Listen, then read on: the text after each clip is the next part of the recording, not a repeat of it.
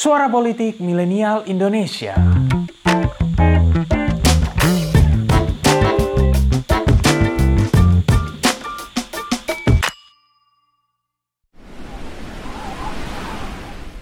Februari 1962, penghujung musim dingin di Inggris. Saat geliat industri perbankan tengah bergumul dalam narasi efektivitas dan efisiensi pelayanan, Adrian Asfield, seorang engineer yang di kemudian hari menjabat Vice President di Wheaton Industries, menemukan ide dasar penggunaan kartu yang mengkombinasikan PIN sebagai kode pembuka akses.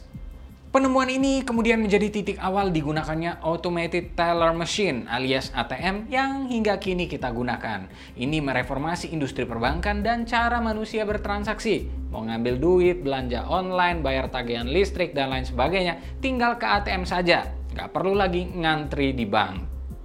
Tapi, hmm, gimana ya? Kalau pas kalian lagi pengen ngambil duit, eh pas sampai ke ATM, di layar mesinnya tergambar wajah toko politik.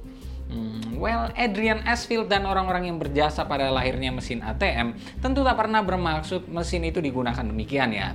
Nah, itulah yang beberapa waktu terakhir sedang jadi sorotan pada Menteri BUMN Erick Thohir, sang wajah yang mejeng di ATM.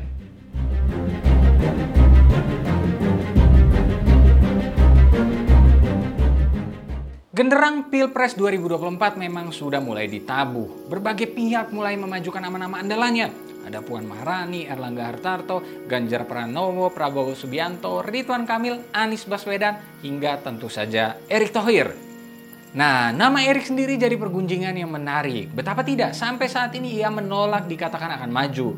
Adapun dugaan akan majunya Erik sebenarnya sudah mulai tercium sejak Maret 2020. Saat itu spanduk dukungan pencalonannya mencuat ke publik. Kemudian gestur-gestur politik terkini juga dinilai oleh banyak pihak sebagai indikator keinginan sang Menteri BUMN itu untuk maju. Salah satu yang ramai dibahas adalah munculnya wajah Erik di ATM milik Bank BUMN. Kendati sudah dibantah Erik, publik tetap menaruh curiga bahwa hmm, itu adalah kampanye terselubung.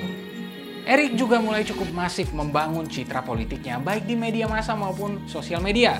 Terbaru ada persoalan toilet gratis Pertamina yang tengah menarik atensi luas publik. Tak heran banyak pengamat yang bilang bahwa Erik sedang berusaha memoles citra politiknya. Hmm, tentu pertanyaannya adalah apakah ini beneran bagian dari manuver politik Erik? Well, jika menggunakan tulisan Kimberly L. Casey yang berjudul Divining Political Capital, modal politik Eric tentu saja cukup besar.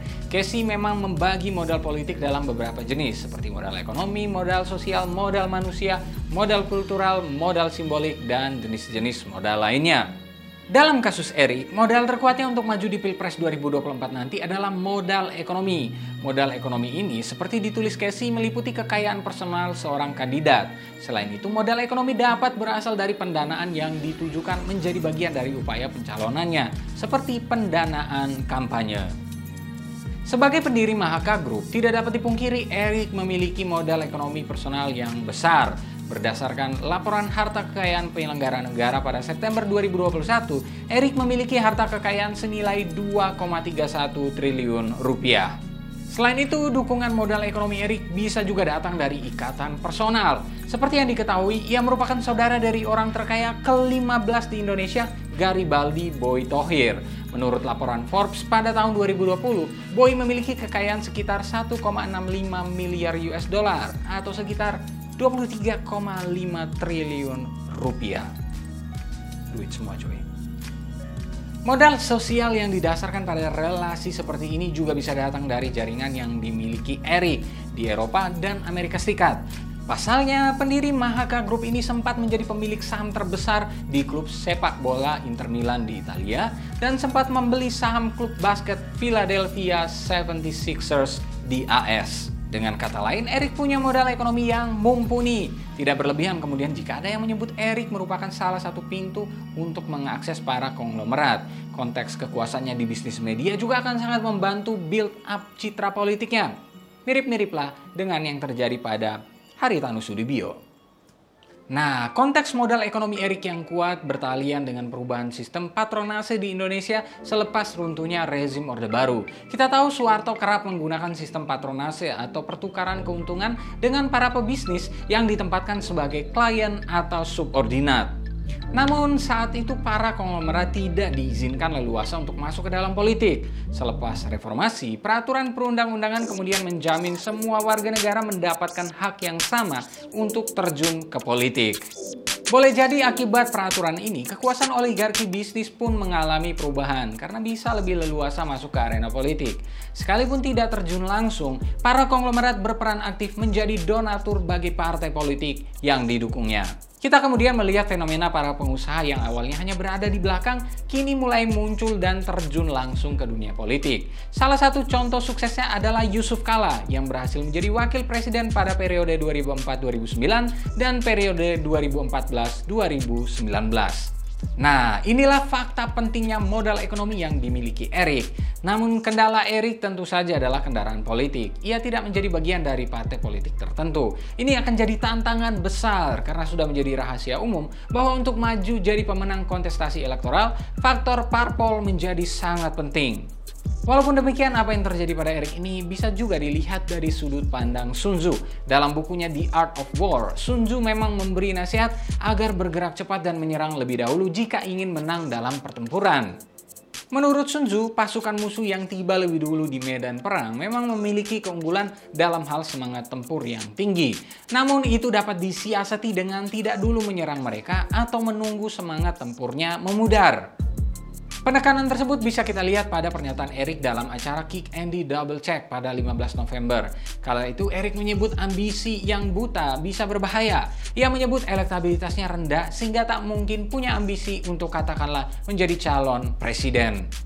Pernyataan-pernyataan tersebut jelas menunjukkan Erik adalah seseorang yang waspada dan memiliki kalkulasi rasional yang terukur. Alih-alih menunjukkan ambisinya sejak awal dan berpotensi diserang dari kanan kiri, Erik sedang menunggu momen yang tepat untuk masuk ke medan tempur elektoral. Bukan tidak mungkin Erik memang tengah memetakan mana partai yang bisa didekatinya. Namun ini hanya asumsi ya jika berkaca dari tudingan-tudingan yang diarahkan pada Erik. Memahami konteks tersebut juga penting loh. Soalnya, Pak Erik ini adalah pucuk di Kementerian BUMN yang notabene adalah kementerian dengan total aset terbesar di Indonesia. Yes, total aset Kementerian BUMN mencapai 9.295 triliun rupiah di tahun 2021. Artinya, tidak menutup kemungkinan bahwa narasi pencalonannya juga sengaja digaungkan oleh pihak-pihak tertentu untuk memberi tekanan pada posisinya sebagai Menteri BUMN. Erik sendiri dikenal sebagai menteri yang sudah melakukan banyak perubahan dan reformasi di BUMN. Jadi jelas sangat mungkin juga banyak pihak yang tak suka akan apa yang dilakukan oleh mantan pemegang saham Inter Milan itu makin menarik ya ceritanya. Apa pun itu, semua orang bisa berteori soal posisi Pak Erik. Yang jelas, faktor finansial memang menjadi salah satu kunci seseorang dalam politik. Sebab seperti kata-kata penulis asal AS Barbara Merz, uang adalah pupuk dari politik. Jadi ya, subur-suburlah. Terima kasih telah mendengarkan episode kali ini. Nantikan episode-episode selanjutnya dan jangan lupa untuk kunjungi pinterpolitik.com untuk dapatkan informasi seputar fenomena politik di Indonesia. See you next time and bye-bye.